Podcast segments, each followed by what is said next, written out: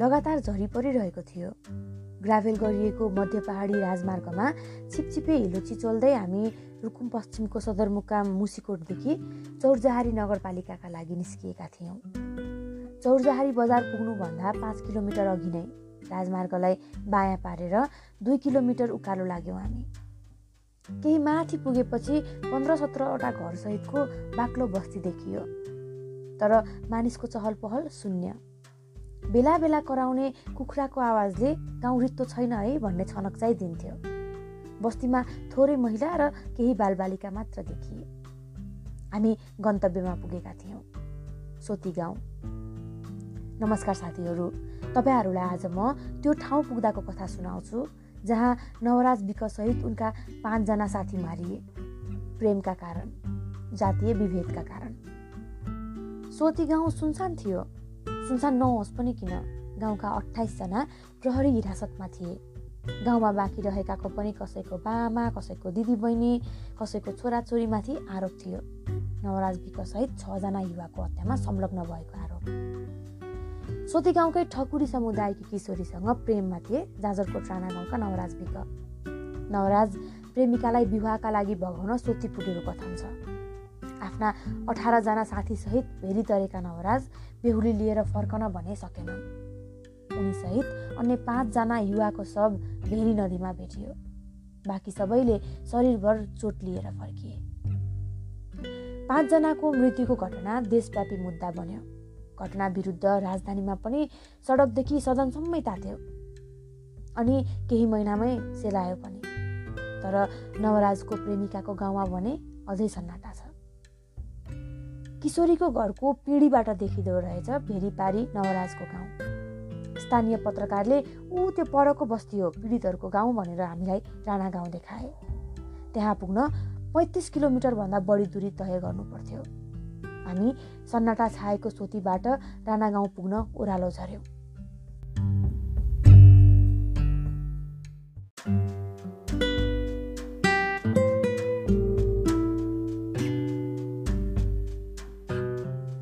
मूल सडकबाट ठाडो उकालो लागेपछि पुगिने साङ्गुरो बस्ती। त्यही बस्तीको शिरतिर रहेछ नवराज बिक सन्जु बिक गणेश बुढा लगायतको घर। ढुङ्गा र माटोको साङ्गुरो बाटो बाटोको दुवै छेउ माटोले बनेका साङ्गुरा घरहरू। तिनका भित्तामा पर्चा टाँसिएका थिए जातीय हत्या लेखिएको। मृतक मध्ये एक सन्जु बिकको घरमा पुग्दा भर्खरै उन्नाइस बिस वर्षको जस्तो देखिने एक किशोरी सादा सेतो रङको पर्को कपलक्क ओढेर बसेकी थिइन्। हामी पुगेपछि एक अद्वैसे महिलाले परिचय दिँदै बोलिन् म सन्जुकी आमा उनी चाहिँ मेरी बुहारी।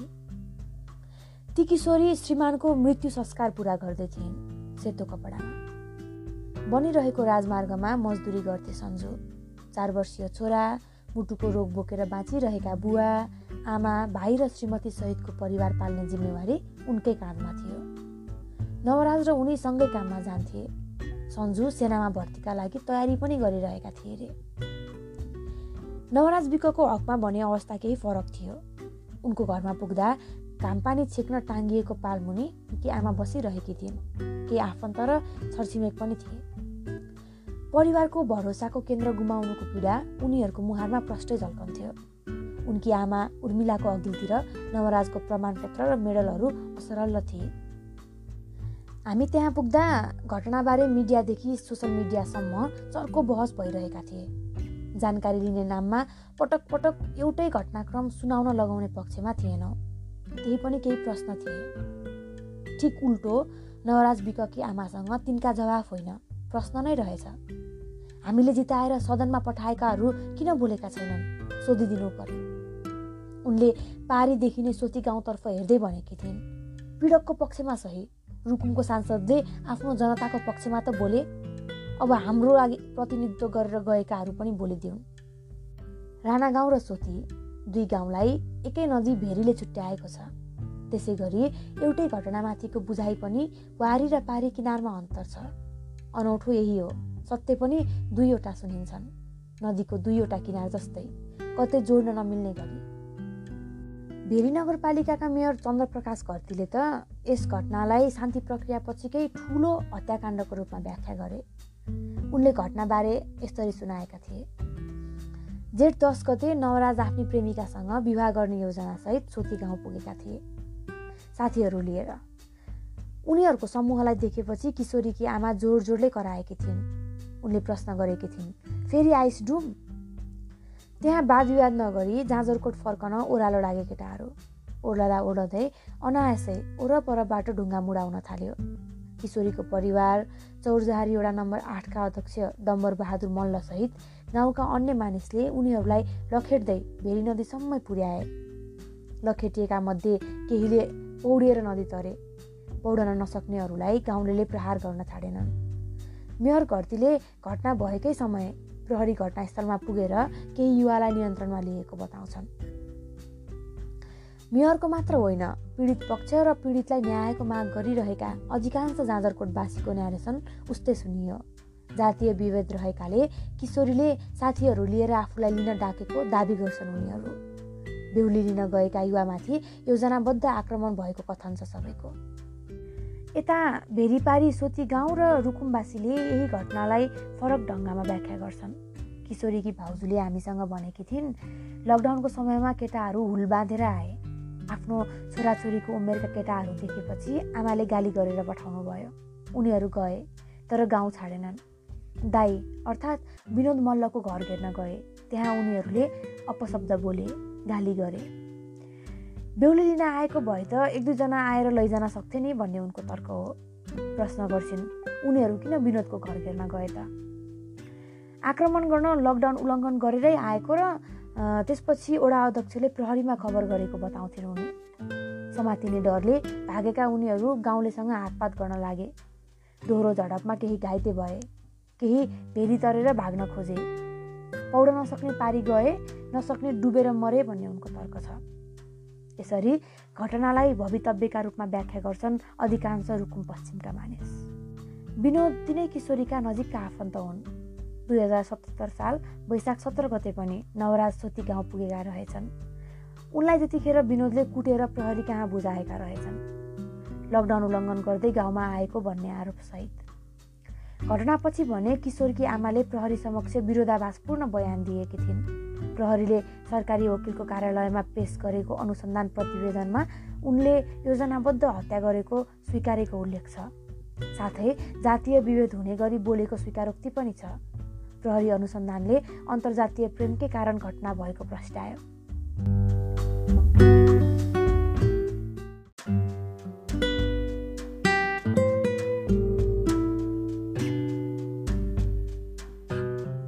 प्रेमी नवराज त मरेर गए। तर जिउँदै रहेर पनि पीडित बनिन् उनकी प्रेमिका भनिएकी किशोरी। घटनापछि किशोरीलाई भिलेनका रूपमा चित्रण गर्ने खबरहरू भाइरल भए।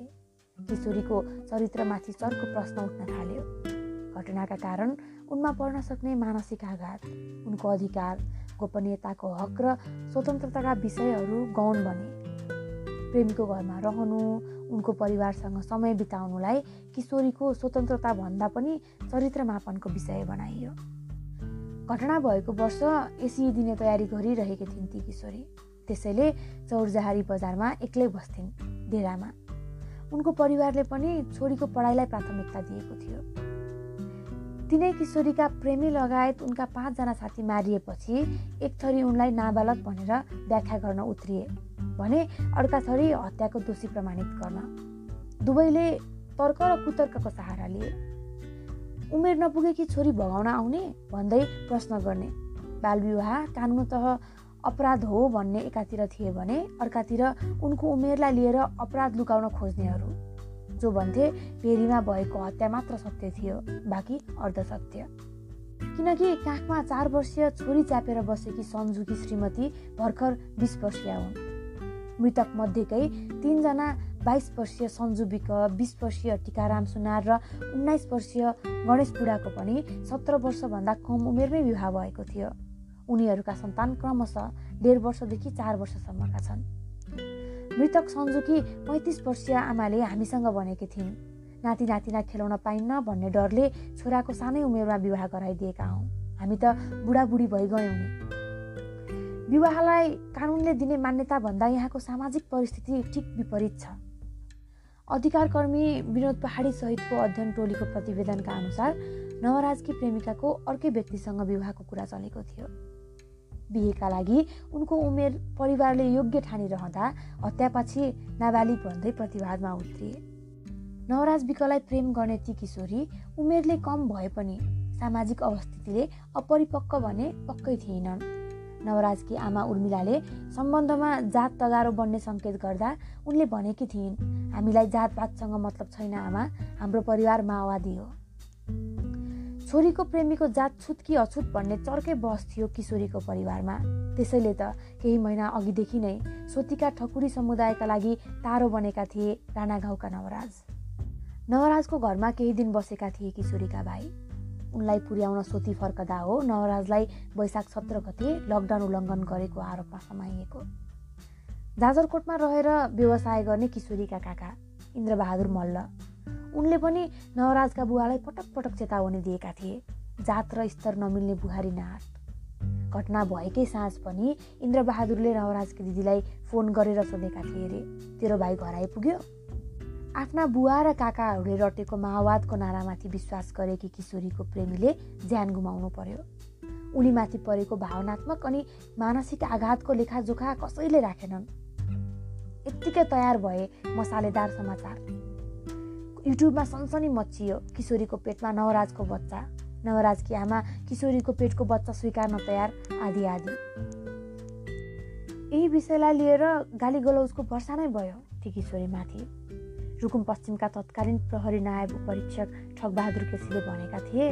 उनको प्रेग्नेन्सीलाई लिएर बनेका अपुष्ट खबरहरू यसरी फैलिए कि हामीलाई दबाब पर्यो। हामीले परीक्षण गर्दा नतिजा नेगेटिभ देखियो। घटनाको तिन दिनपछि अनुसन्धानका लागि प्रहरीले उनलाई नियन्त्रणमा लिएको थियो। कानुन छ नाबालिग उनलाई बाल सुधार गृह वा निगरानीसहित बेग्लै कक्षमा राखिनुपर्ने थियो। तर उनलाई त अन्य प्रतिवादी सरह महिला सेलमै राखियो। कारण देखाइयो जिल्ला प्रहरी कार्यालयसँग सुधार गृह छैन। पछि उनलाई भक्तपुर ल्याइएको थियो।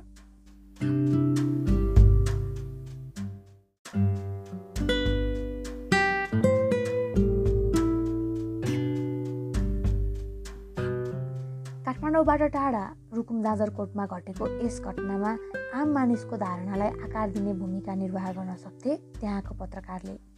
तर त्यसो भएन।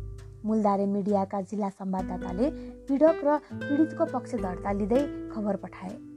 सत्य फेरि भेरीको दुई किनार जस्तै बन्यो। रुकुमको सत्य वा जाजरकोटको सत्य? लेखिएका समाचारकै आधारमा सामाजिक सञ्जालमा घटनाबारे टिका टिप्पणी हुनु स्वाभाविक थियो। तर समस्या के भइदियो भने पीडित र पीडक पक्षकै प्रतिनिधित्व गरेर सदनमा पुगेकाहरूले पनि एकपक्षीय न्यारेसनका आधारमा संसद भवनमा गर्जिए समग्रमा घटनाको राजनीतिकरण भइरह्यो। रुकुम पश्चिमका सांसद जनार्दन शर्मा घटनास्थलमा पुगेनन् तर घटना घटेको भोलिपल्टै संसदमा विषयमाथि अनुसन्धान नै गरेर प्रतिवेदन दिए जसरी बोले केटाहरू बेरीमा हाम फालेर मरे भन्ने तर्क राखे। उनको बोलीमा भोटको राजनीति गरायो। काङ्ग्रेसले संसदभित्र प्रतिवाद गरेपछि भने उनको स्वर थोरै मधुरो भएको थियो। घटना लगत्तै तत्कालीन नेकपा रुकुमले प्रदेश कमिटी सदस्य चन्द्रबहादुर विश्वकर्माको संयोजकत्वमा बनेको छानबिन समितिको प्रतिवेदन सार्वजनिक गर्यो। जे भयो त्यो भवितव्य हो भन्ने निष्कर्षसहित उक्त प्रतिवेदनले जनार्दन शर्माको भाषणलाई हाड दिलायो। उस्तै भाषा बोले प्रदेश सभाका सभासद गोपाल शर्मा र चौरजहारी नगरपालिकाका मेयरले पनि। जाजरकोटका सांसद शक्तिबहादुर बस्नेतले निष्पक्ष छानबिन होस् भन्ने फेसबुक स्ट्याटसमा आफूलाई सीमित राखे। प्रधानमन्त्री केपी शर्मा ओलीले घटना घटेको दुई सातापछि मात्र आफ्नो मत राखे। त्यतिन्जेल अनेक परिघटना जन्मिसकेका थिए। बिसौँ दिनमा यसबारे मुख खोले तत्कालीन नेकपा कम्युनिस्ट पार्टीका अध्यक्ष पुष्पकमल दाहाल प्रचण्डले। उनले भने मुक्तिका लागि लडाइँ लडेको केन्द्रबिन्दुमै यस्तो मानवीय घटना हुँदा मलाई लज्जाबोध भएको छ। यस खालको घटना त्यही क्षेत्रमा घट्नु पीडादायी छ। पीडा र लज्जाबोध भएकै कारण आफू बोल्न नसकेको बताएका थिए प्रचण्डले तर उनको वक्तव्य विरोधाभासपूर्ण थियो। उनको बोलीमा कसैले ज्यान गुमाउनुको पीडाभन्दा बढी आफ्नो पार्टीले मतदाता गुमाउनुको पीडा झल्कन्थ्यो। उनले भनेका थिए रुकुम र जाजरकोट दुवैतर्फका मानिसहरू नेकपाकै भोटर हुन्। जिम्मेवार पदमा आसीन नेताले कुनै जघन्य घटनाका पीडित र पीडकलाई भोटका रूपमा व्याख्या गरे। साथै घटनास्थललाई जनयुद्धको केन्द्रबिन्दुका रूपमा। अहिले यो ठाउँ नवराज हत्याकाण्डसँग जोडिएर आउँछ। युद्धकालमा सामाजिक संरचनामा परिवर्तन देखेका हुन् रुकुम जाजरकोट जिल्लावासीले। त्यहाँ राजनीतिक भौतिक सामाजिक परिवर्तन देखेका भोगेका प्रचण्डलाई त्यही ठाउँमा जातीय विभेद हुनु विभेदकै कारण कसैले ज्यान गुमाउनु स्वीकार्य नभएको हुनसक्छ। त्यसैले त चकित पर्दै सोधे यस घटनाको स्थलगत अध्ययनमा खटिएका विनोद पहाडी भन्छन् परिवर्तनका नारा सत्ताको भर्याङ मात्र भन्यो। व्यवहारिक बुझाइ र रूपान्तरण दुवै भएनन्। आखिर बन्दुकको बलमा भएका परिवर्तन कसरी टिक्थ्यो र? पहाडी माओवादीका तर्फबाट पहिलो संविधान सभामा समानुपातिकतर्फ सदस्य थिए। घटनामा किशोरीको परिवारलाई समस्या युवकको जातसँग थियो जसका कारण जघन्य घटना घट्यो। त्यसपछि यस विषयमा राजनीति घुस्यो व्यक्तिगत रिसिभी र स्वार्थ जोडियो वैचारिक मतभेद भयो। समस्याको जड रहेको जातीय व्यवस्था चाहिँ जयको त्यहीँ रह्यो जसले कसैको अस्तित्व स्वीकार्दैन। मान्छेलाई नै आफूभन्दा तल अनि सानो देख्छ। यदि नवराज पनि किशोरीकै परिवार जस्तो ठकुरी समुदायका हुन्थ्यो भने के यो घटना घट्थ्यो त? पक्कै पनि घटनाले यो स्वरूप लिँदैनथ्यो त्यसैले यसलाई जातीय घटनाभन्दा भिन्न चस्माले हेर्नै सकिँदैन। हत्या त्यस ठाउँमा भएको थियो जुन ठाउँ पहिल्यै छुवाछुत मुक्त घोषित भइसकेको थियो। मर्नेहरू गैर दलित पनि थिए तर जात व्यवस्थाले मानिसमा सिन्चित गरेको अहम र अहङ्कारको शिकार दलित मात्र हुन्छन् वा हुनुपर्छ भन्ने होइन। अहङ्कारले ठुलो हुँ भन्नेहरूमा दलितप्रति घृणा जगायो आवेग पैदा गर्यो। आवेगको नतिजा लक्षित समूहले भोगे। समूहमा नवराज मात्र थिएनन्। उनका साथीहरू पनि थिए गैर दलितहरू पनि थिए। नवराज विकहरू मारिनुले मानवतामाथि पनि प्रश्न उठाएको छ। सिङ्गो गाउँ उर्लिएर गरेको क्रूर अपराधले सामाजिक मनोविज्ञानमा असर पारेको छ। सन्जु बिकका चार वर्षीय छोराले बुबा मारिनुको कारण बुझेका छैनन्। आमाले सेतो लुगा लगाउनुको कारण पनि थाहा छैन उनलाई। उनले यो सबै बुझ्नु अघि समाजले त तल्लो जातको होस् है भन्ने तकमा भिराइदिनेछ उनलाई सामाजिक र मानसिक रूपमा दमन गरिनेछ। ठुला जातकाहरूलाई प्रश्न गर्न अयोग्य महसुस गराइनेछ र ऊ प्रेम गर्नु अघि आफ्नो जातसँग डराउनेछ। सायद त्यतिन्जेल रुकुम र जाजरकोटे बिर्सनेछ। यी जिल्ला माओवादले निकै चेतनशील बनाएकाहरूको ठाउँ हो। जसरी सत्ता रुमलियो आफ्नै कुर्सीको आडमा त्यसैको रन्कोमा समाजले बिर्सिँदै गयो यस घटना र घटनाको मूल मुद्दा। घटनाको न्यारेसन जस्तै बदलियो दोषीहरूको बयान। प्रहरी समक्ष आरोपित किशोरीकी आमादेखि दाईसम्मले घटना योजनाबद्ध भएको स्वीकारे। बयान सार्वजनिक भयो। ठ्याक्कै आम मानिसले सुन्न चाहे जस्तै आयो बयान। त्यसैमाथि छलफल भयो सामाजिक सञ्जालमा। तर अदालतमा उनैले दिएको इन्कारी बयानको कसैले वास्ता गरेनन्। मृतकका आफन्त न्यायको पर्खाइमा छन्। अदालतमा भने अझै पनि न्यायको बहसभन्दा पूर्वपक्षको लागि बहस चल्दै गएको छ। राज्यको जिम्मेवारी हो नि पीडितमाथि न्याय दिलाउनु। संविधान र कानुनले त जातीय विभेदको अन्त्य घोषणा गर्यो तर खोइ त समुदायले त्यो प्रत्याभूत गर्न पाएको। जातीय विभेदसँग जोडिएर भएको हत्यामा पीडितले न्यायकै पर्खाइमा वर्ष दिन कुर्नु परेको छ। न्यायिक तथा अपराधिक अनुसन्धानमा ढिलाइ हुँदा पीडितमाथि थप पीडा थपिएको छ। यस घटनामा फैसलामा ढिलाइ हुँदा पीडितले न्याय पाउन सकेका छैनन् नै।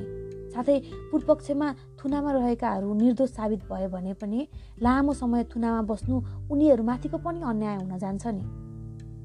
सर्वमान्य एउटा उक्ति नै छ ढिलो न्याय अन्याय सर हो।